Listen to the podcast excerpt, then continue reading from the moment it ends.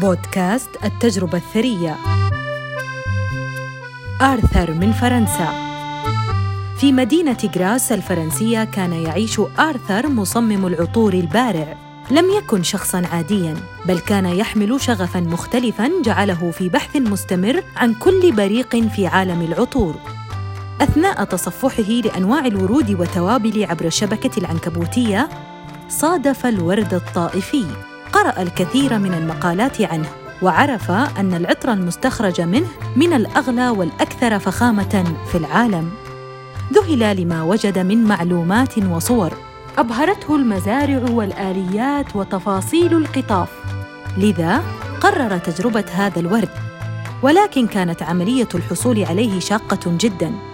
فالرحلات لمدينة إنتاجه داخلية فقط بسبب الجائحة التي منعت السفر. بدأ بالبحث عن جهة تساعده في الحصول عليه وبالفعل وجد مؤسسة التجربة الثرية. وهي إحدى المؤسسات السياحية في السعودية تواصل معهم وفي زمن قياسي تمكن أحمد وفريقه من توفير المنتج وشحنه إلى فرنسا.